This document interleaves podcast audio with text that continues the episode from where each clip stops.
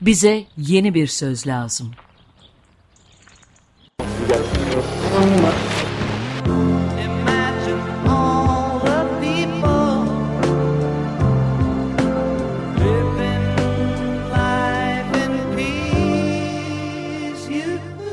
Bekir Ağırdır'la yeni bir yol haritası denemesi.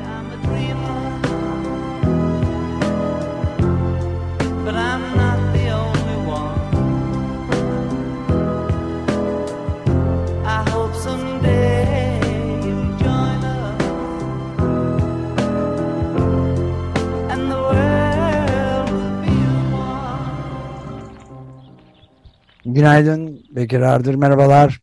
Günaydın. Günaydın. İyi yayınlar. Günaydın. Teşekkür ederiz. Son derece ağır bir ortamda, her boyutuyla ağır bir ortamda yaşamaya devam ediyoruz ve görünen o ki biraz daha devam edeceğiz. Ama yani e, senin son yazılarından birinde dile getirdiğin gibi felaketleri bile siyasi çekişme konusu haline getirdik. Ortak yas tutamıyoruz diyorsun. Ortak ufku kaybetmiş olmamız da asıl başarısızlığımız diyorsun. Ama bir yandan da yükselen bir öfke ve onun etrafında kendiliğinden meydana gelen bir örgütlenme görülüyor. Özellikle Maraş'ta deprem bölgelerinde bütününde o 10 ilde de ikisinin arasında bir yerdeyiz. Biraz nasıl değerlendireceğiz? Yani işte tam yeni söz lazımın gerektiğini bir kere daha anladığımız zamanlar bu. Yani ben tabii yalnızca deprem ve anın, günün o ağırlığı, çaresizliği, öfkesi değil, biraz daha geniş perspektiften bakıp pandemi ve pandemiye eşlik eden ekonomik kriz ve deprem diye yani bir son 3 yılın ürettiği travmaya bir arada bakmanın gerektiğini düşünüyorum. Evet. Ee, Ve de gördüğümüz şey evet yani Türkiye ne yazık ki ve ülkeyi yönetenler yönetmeye talip olanlar hep beraber felaketleri bile ayrıştırmış e, siyasi kendimize siyasi malzeme yapmış durumdayız. A- Acıyı, yası bile ortak yaşayamıyoruz demek mümkün siyasetçilerin ya da medyaya yansıyan ülkeyi yönetenlerin cümlelerine bakınca. Ama bir yandan da toplumda e, bir kez daha gördük ki e, bu toprakların insanları dayanışmayı biliyorlar. Her şeye rağmen dayanışmadan kaçınmıyorlar. Yani e, bütün bu melanetin ben pandemiden sonra da hep bu cümleyi kurmaya çalışmıştım. Yani o melanet e, tabii ki hani o kadar ölüm e, işte sadece pandemide 200 binden fazla insan kaybettik. Şimdi depremde tam sayıyı bilmiyoruz ama muhtemelen e, oldukça yüksek bir sayı olduğunu tahmin etmek zor değil. E, ama bütün bu melanetin yanı sıra hani bugün birazcık bari olumlu tarafından bakmak mümkün mü? Acılarımızı, yasımızı, ağıdımızı içimize döküp biraz daha hani toplumun önüne en azından e, o siyasetçiler gibi e, davranmadan başka şeyler söylemek mümkün mü diye bakıyorum ben. Ee, oradan baktığım zaman da gördüğüm şey bir kere bir dayanışma meselesi. Yani müthiş bir e, dayanışma arzusu yeniden yükseldi. Pandemiden beri de bu gözlediğimiz bir şeydi ve bu konuda sıkça da yazmıştım. Yani ve o dayanışma arzusu özellikle kimliklere sıkışmışlığı, kültürel kimliklerin o ağır ruhi ve zihni ambargosunu aşma yolunda bir fırsat alanı açıyordu topluma, toplumun önüne. Ee, Birincisi o iki empati meselesi ve kendi hayatına ve diğerlerinin kendimizin dışındaki hayata özen gösterme meselesi. Ee, Orada da çok ciddi bir yükseliş var. Bütün bu enerjiyi, bu duyguları doğru koordine edemiyor olabiliriz şu anda. O kutuplaşmış siyasetçilerin kimliklere ve güce teslim olmuş ıı, akıl ve ruhun ve dillere yapışmış o kötücüllüğün bir kenarına bak, sıyırıp baktığımız zaman e, toplumdaki bu enerjiyi nasıl organize edeceğimiz, nasıl kurumsallaştıracağımız gibi bir önemli sorun var önümüzdeki dönem için kendimizde. Ama bunlar için, bütün bunları aşabilmek için hala e, aynı noktadayım. Ben bir ortak ufka bakmayı, ortak kadere inanmayı, e, diğerlerinin de bizimle beraber ortak yaşamı, onurlu yaşamı savunacak bir siyasete, bir dile ihtiyaç var. Yani hep beraber tamam toplumun bu öfkesini ya da her birimizin bu çaresizliğe karşı verdiği kızgınlığı, öfkeyi anlamak mümkün. Doğru da ama hiç olmazsa kamuoyu önünde konuşan, yazan, çizen insanların bari biraz daha serin konu kalmaya ihtiyacımız olduğu bir dönem olduğunu sanıyorum. Ben nitekim de işte Türkiye sivil toplumu bütün bu suçlamalara hala hala şu anda bile e, depremdeki bütün organizasyonları kötü bir dilden, kötücül amaçlar varmış gibi suçlamalara, etiketlemelere, deftere not etmelere rağmen bile insanlar vazgeçmedi. İnsanlar yardımlaşmaktan, oralara gidip katkıda bulunmaya çalışmaktan, hala da organize olmaktan da vazgeçmediler. Aksine devletin hani doğru koordinasyon mahareti olabilseydi belki de kendi lehine ya da en azından birkaç canı daha ya da on bin canı daha kurtarabileceğimiz bir enerjiye dönüştürebilirdi bunu. E, kaldı ki problem de bitmiş değil. Yani önüm hala kıştayız. Hala o insanların hayatları, hani ölümlerden sonra geride kalanların hayatları meselemiz var. Oralarda yeniden hayatı organize etmek, e, doğru kurgulamak meselemiz var. Ve hala da hiçbir şey için geç değil. E, Onun için inatla, ısrarla hayat için bu memleketin insanları ve bu memleketin geleceği için uğraşmaktan, yeni sözler aramaktan, yeni diller aramaktan vazgeçmemek gerekiyor. Ee, hani bütün umudumuz vazgeçmeme direncimiz diyebilirim. Evet, bizim yaptığımız çeşitli mülakatlar da e, alandan, sahadan e, gelen gazeteci ya da yardım götüren e, gönüllü arkadaşların bize yansıttıkları çeşitli programlarda biraz da Açık Radyo'nun şeyini değiştirdik gene tekrar Evet, biliyorum. 1999'da şey olduğu gibi biliyorsundur. E, e, izlenimimiz öfkenin yükseldiği ama bununla birlikte çok ciddi bir dayanışma ve empati Evet, dalgasının da e, devam etmekte olduğu e, yolunda. Yani senin söylediğini doğrular nitelikte pek çok e, bilgi de alıyoruz. Şeyin Faik Bulut'un da ilginç bir yazısı vardı Independent Türkçe'de Birleşmiş Milletler raporunu ele alıp afet ve krizlerde yerel güçlerle işbirliği ve toplumsal yapılanma yeni bir sözlüğü de buradan da hatırlamamız mümkün.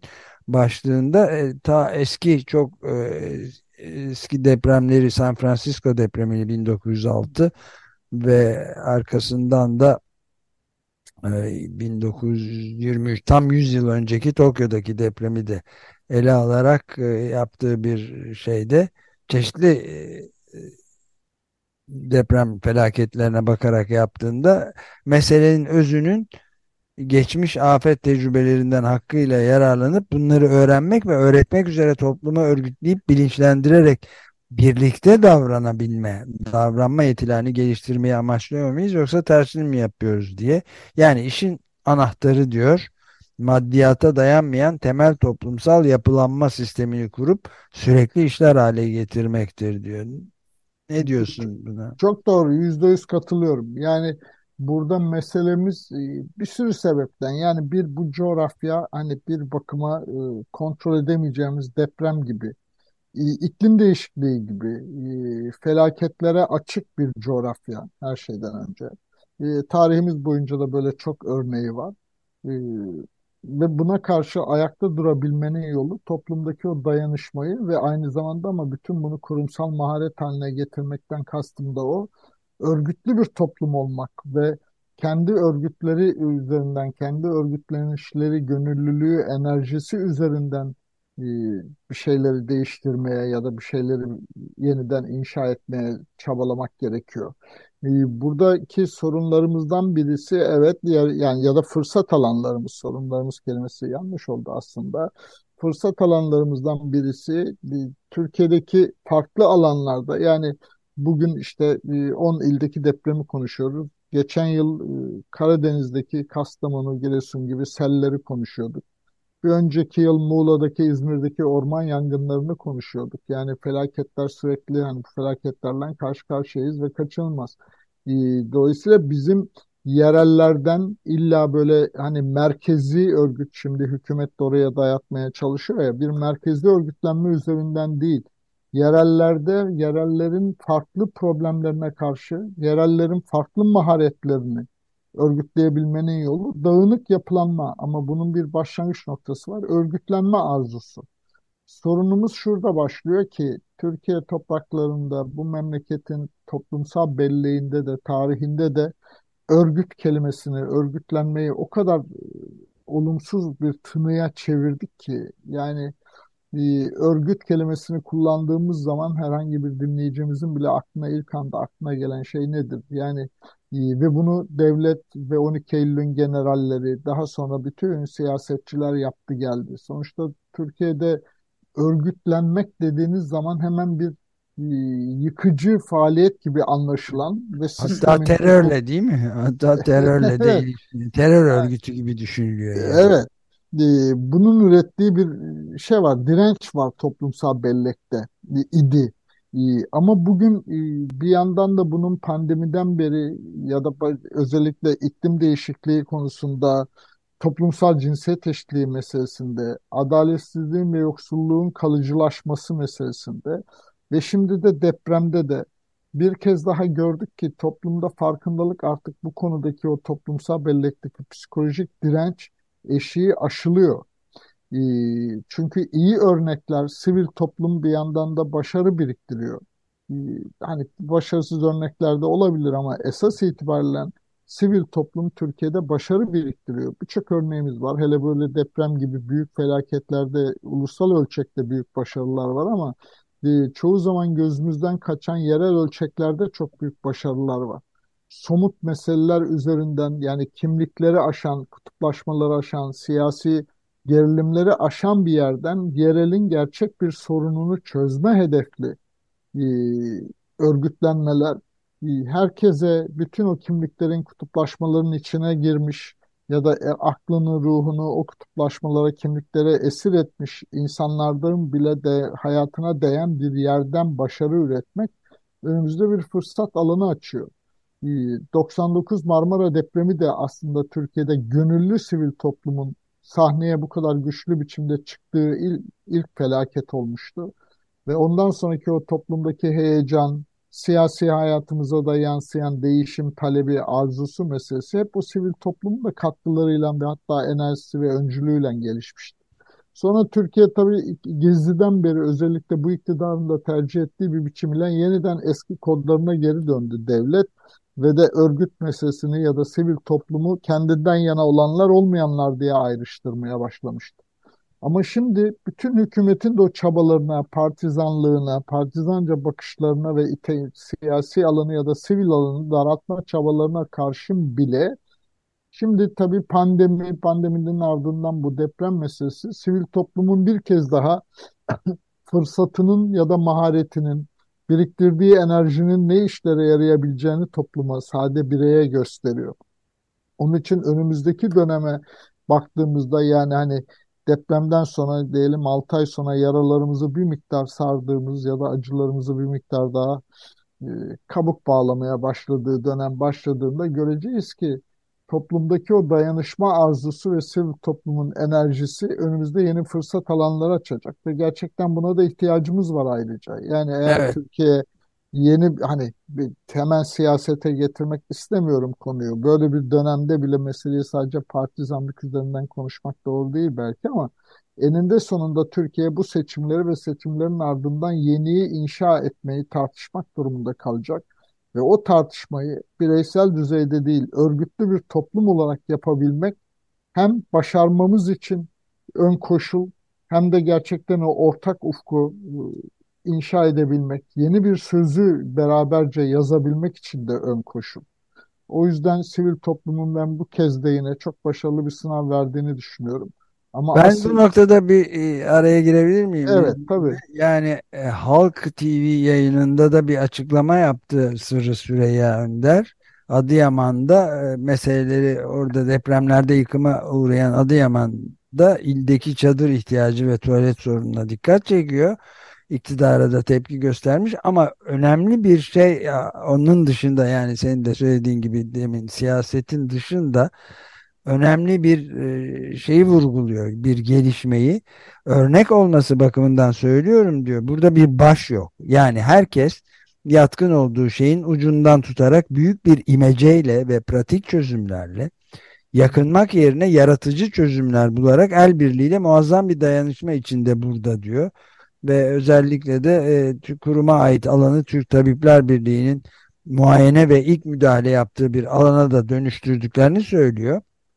Gerekli tüm gereçler burada var diyor. Kentte devlet desteğini göremediklerini aktarıyor ama buraya gelmeyen gönüllü kalmadı diyor. Tokat'tan tut Trabzon'a, Rize'den tut Edirne'ye kadar gel buraya gelmeyen genç gönüllü kurum kalmadı. Hepsine müteşekkiriz. İçinde sofusu da var, ülkücüsü de var, HDP'lisi de var, CHP'lisi de var. Müdahale olmadığı zaman nasıl bir imece, nasıl bir dayanışma ruhunun yükselebileceğine dair umut verecek, insanı kıvandıracak en önemli duygu diyor. Ama belediye yok diyor mesela. Evet yani e, gerçekten Sırrı'nın da işaret ettiği gibi önümüzde görüyoruz ki bu enerji toplumda var, bu topraklarda var. E, bu enerjiyi sadece felaket anlarında değil, yeniyi inşa etmek anlamında nasıl seferberlik, seferber yapı kılabiliriz e, düşünmemiz lazım. Yani ee, bunun ben Türkiye'nin geleceği için müthiş bir fırsat alanı açtığını düşünüyorum. Yani şu anda acı anında, yaz anında geleceği düşünmek belki biraz zor ama e, sivil toplum e, bir kez daha kendini e, gerçekten ispatladı diye düşünüyorum. E, ve toplum da bütün bunları kaydediyor. Toplumsal bellek de kaydediyor. Yani bundan sonra Yine elbette birçok hataları, benzer hataları yapmaya, yine yanlış yerlerde yapılaşmalara izin vermeye devam edebiliriz. Siyasi otoriteler yarın veya bugünkü iktidar ya da yarın iktidar olacaklar. Aynı yanlış tercihlerde, bilim dışı tercihlerde bulunabilirler ama her seferinde, her felaketinde öğrettikleri var bu toprakların insanlarına. Ee, bütün mesele o insanlardaki sade bireylerdeki o farkındalık artışı. Çünkü o farkındalık ve bilinçlenme meselesi iklim değişikliğine karşı da var. Toplumsal cinsiyet eşitliği meselesinde de var örneğin. Evet. Ee, o yüzden artık konumuz yani şimdiye kadar hani sivil toplumcu arkadaşlar için söyleyeyim. Daha çok yapılan projeler yani normal zamanlarda yapılan sivil toplumdaki projeler hep farkındalık yükseltmek, farkındalık üretmek üzerine kurgulanıyordu ağırlıklı olarak. Ama bugün artık ihtiyacımız farkındalığı yükseltmekten daha çok belki de aslında o farkındalığı, yükselen farkındalığı, bireysel zihinlerde yükselen o farkındalığı örgütlü bir gayrete çevirmek. E, e, bu, bugün bu konuda ben de olan o. E, bir şey söylemek istiyorum.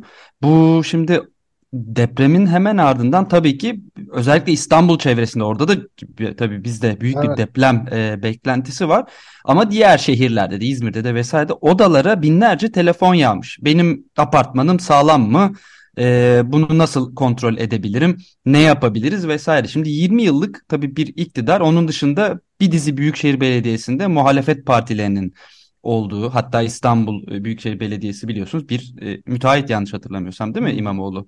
E, böyle bir e, durumdayız ve e, binaların kontrolü ya da kentsel dönüşümlerde iktidarından muhalefetine hepsinde sorun var. Yani böyle devlet ve müteahhit şirketleri odaklı bir genelde evet. dönüşüm yaşanıyor. E şimdi bir şunu gördük aslında buradaki dayanışma faaliyetlerinde bir tür mahalle deprem dayanışmalarına sanki ihtiyaç da var gibi. Şimdiden e, kurmaya ihtiyaç var gibi. Gezi'den sonra böyle mahalleleri, ilçelere yayılan mahalle dayanışmaları vardı. Hem yerel mahallelerdeki, Doğru. ilçelerdeki sorunlara da e, çözüm bulmaya çalışan ama politikada e, yapmakta olan böyle dayanışmalar vardı. Bu tarz işte sivil yapılanmaların gerçekten insanların kendi binasının kontrolünden bunun ne şekilde dönüştürüleceğine kadar bütün süreçlere müdahale olabileceği e, belki bu tarz mahalle örgütlenmelerine şimdiden ihtiyaç var diye düşünüyorum açıkçası. Tümüyle katılıyorum. Yani e, bir kere bütün dünyada da Türkiye'de de e, sadece şu iktidar bu iktidar meselesinden öte temsili demokrasinin krizi aslında karşılaştığımız problemlerin çok büyük kısmı. Evet, Ama aynen. bunu aşmanın yolu katılımcılığı inşa etmek. Katılımcılığı nasıl inşa edeceğiz? Yani herkes koltuklarında oturduğu yerden bireysel olarak her gün diyelim o parktaki bankların rengini oylamak e, katılımcılık değil ki. Asıl evet. mesele örgütlü bir biçimde kendimize dair kararlara, kendimiz doğrudan kendimizi ilgilendiren kararlara katılabilme süreçlerini inşa etmek. Bunun da yolu e, en küçük birimlerden yani ki Türkiye için en küçük idari bilim mahalle ve köy yerinden yönetim diyorum ben ya da e, bir zamanlar benim de kurucularından olduğum Demokratik Cumhuriyet programında geliştirdiğimiz modelle yerinden yönetimin temel prensibi herkesin bulunduğu mahalde ve sadece o mahalleyi ilgilendiren kararları o mahallenin insanların alabileceği bir idari düzene, yönetim düzenine geçebilmek. Ama bunun yolu da bir demin dediğim gibi sadece elimizdeki akıllı telefonlarla evet hayırları saymak meselesi değil. Asıl meselemiz çünkü müzakere edebilmek, konuşabilmek, birbirimizden ihtiyaç ve taleplerimizi dillendirebilmek, birbirimizin ihtiyaç ve taleplerini duyabilmek ya da şimdi olduğu gibi acılarını, yaslarını, kayıplarını hissedebilmek beraberce. Ee, bunun da yolu en küçük birimlerden başlayarak örgütlenmek ve en küçük birimlerden başlayarak insanların ve hepimizin o örgütler üzerinden bu müzakere süreçlerine katılabilmesi. Şimdi bu teorik doğru. Pratiği tabii ki böyle çalışmıyor. Türkiye evet buna benzer bir takım örnekler işte 99 Marmara depreminde sonra Gezi'den sonra senin de hatırlattığın gibi o mahalle dayanışmalarıyla ama hep devlet ve hükümet bu tür örgütlenmeleri kendine muhalif diye damgaladığı için sınırlar çekti, kısıtlamaya çalıştı. Ama şimdi bir kez daha bu deprem, bu felaket gösterdi ki e, her an bu tür felaketlere müdahale için bile örgütlenmeye, dayanışmaya, örgütlemeye ihtiyacımız var. Dolayısıyla bizim önümüzdeki problem dayanışmayı örgütlemekten daha çok bu örgütlenmelerin hak temelli de olmasını sağlamak. Yani bugün bile Türkiye'de e, işte 100 binin üzerinde dernek var, vakıf varsa Bunların neredeyse yüzde 85-90'ı dayanışma temelli örgütlenmeler. E, hak temelli olanları çok düşük. Çünkü devlet de hak temelli olmasını istemiyor. E, ama bir yandan da örgütlenmeyi bilen insanların, örgütlenmenin faydasını deneyimlemiş insanların yarın başka konularda da hak temelli örgütlenmeler konusunda da bir gayrete geleceklerini bekleyebiliriz. Burada mesele birazcık da hem yasal düzenin hem de ülkeyi yöneten iktidarların bundan bir fayda ve bunun gereklilik hatta zorunluluk olduğunu anlamaları gerekiyor. Bugün Türkiye dediğimiz coğrafya işte gördüğümüz gibi e, kimi coğrafyasında e, deprem, kimi coğrafyasında sel, kimi coğrafyasında orman yangını gibi felaketlerin bile ya da farklı sorunların yaşandığı bir coğrafyada tek tipli çözümler, tek bir merkezi örgütlenme ya AFAD gibi tek bir merkezi örgütlenme veya tek bir faaliyet, tek bir idari organizasyon içinden yönetilemez. İstesek de yönetilemez zaten. Pratik olarak da yönetilemez. Nitekim bu felakette de bir kere daha gördük AFAD'ın kapasitesinin, maharetinin ne olup olmadığını. Yani bilim dışılık, partizanlık başka problemleri de vardı ama bütün bunlar olmasaydı bile Böylesine büyük bir felakette bu kadar çok ilin, ilçenin, köyün, kasabanın etkilendiği bir felakette tek bir merkezi koordinasyonun mümkün olmadığını da gördük. Dolayısıyla dağınık bir yapılanmaya ve herkesin kendi yerelinde kendi yerel sorunları için ve kendini ilgilendiren sorunları için karar alma süreçlerine katılabilecekleri yeni bir düzen, yeni bir katılımcı demokrasi inşa etmekten meselesiyle karşı karşıyayız. Bu depremden önce de böyleydi. Şimdi depremden sonra da bir kez daha bunun daha şiddetli bir ihtiyaç olduğunu ve kaçınılmaz olduğunu hatta deneyimlemiş olduk. Ee, bundan sonrası toplum yapabileceğini yapıyor, acılarını da bağrına basıyor, yaşı katlanıyor bir sürü şeye. Başka da çaresi yok belki. Ama bundan sonrası biraz da siyasetçilerden başlayarak bilim dünyasının ve STK dünyasının işi. Yani mesele neleri başardık e, övünmesinden de öte bütün bu deneyimden ne kazandığı kurumsallaştırmak. Önce bilgiyi, e, bütün bu deneyimi, yaşananları kayda geçirmek ve o kayıtlardan yararlanarak buradan yeni teoriler, modeller, yeni açıklamalar, yeni olması gerekenlere dair yeni bilgiler ve tartışmalar üretmek. Eğer tartışmaları yalnız ve yalnız hükümete kızgınlığımıza kitlersek bu bilgiyi, deneyimi, bu yaşanmışlığı, bu duygu birikimini, bu gayret birikimini heba ederiz. Onun için daha soğukkanlı bir yerden en azından sivil toplumun, kanaat önderlerinin, bilim dünyasının, akademik dünyanın biraz daha soğukkanlı bir yerden şimdi bir dahaki felakette böyle bir örgütlenmenin nasıl olması gerektiğine dair belki de dünya çapında örnek olacak yeni teoriler, yeni bilgiler üretmek, yeni sözler yazmak zamanı.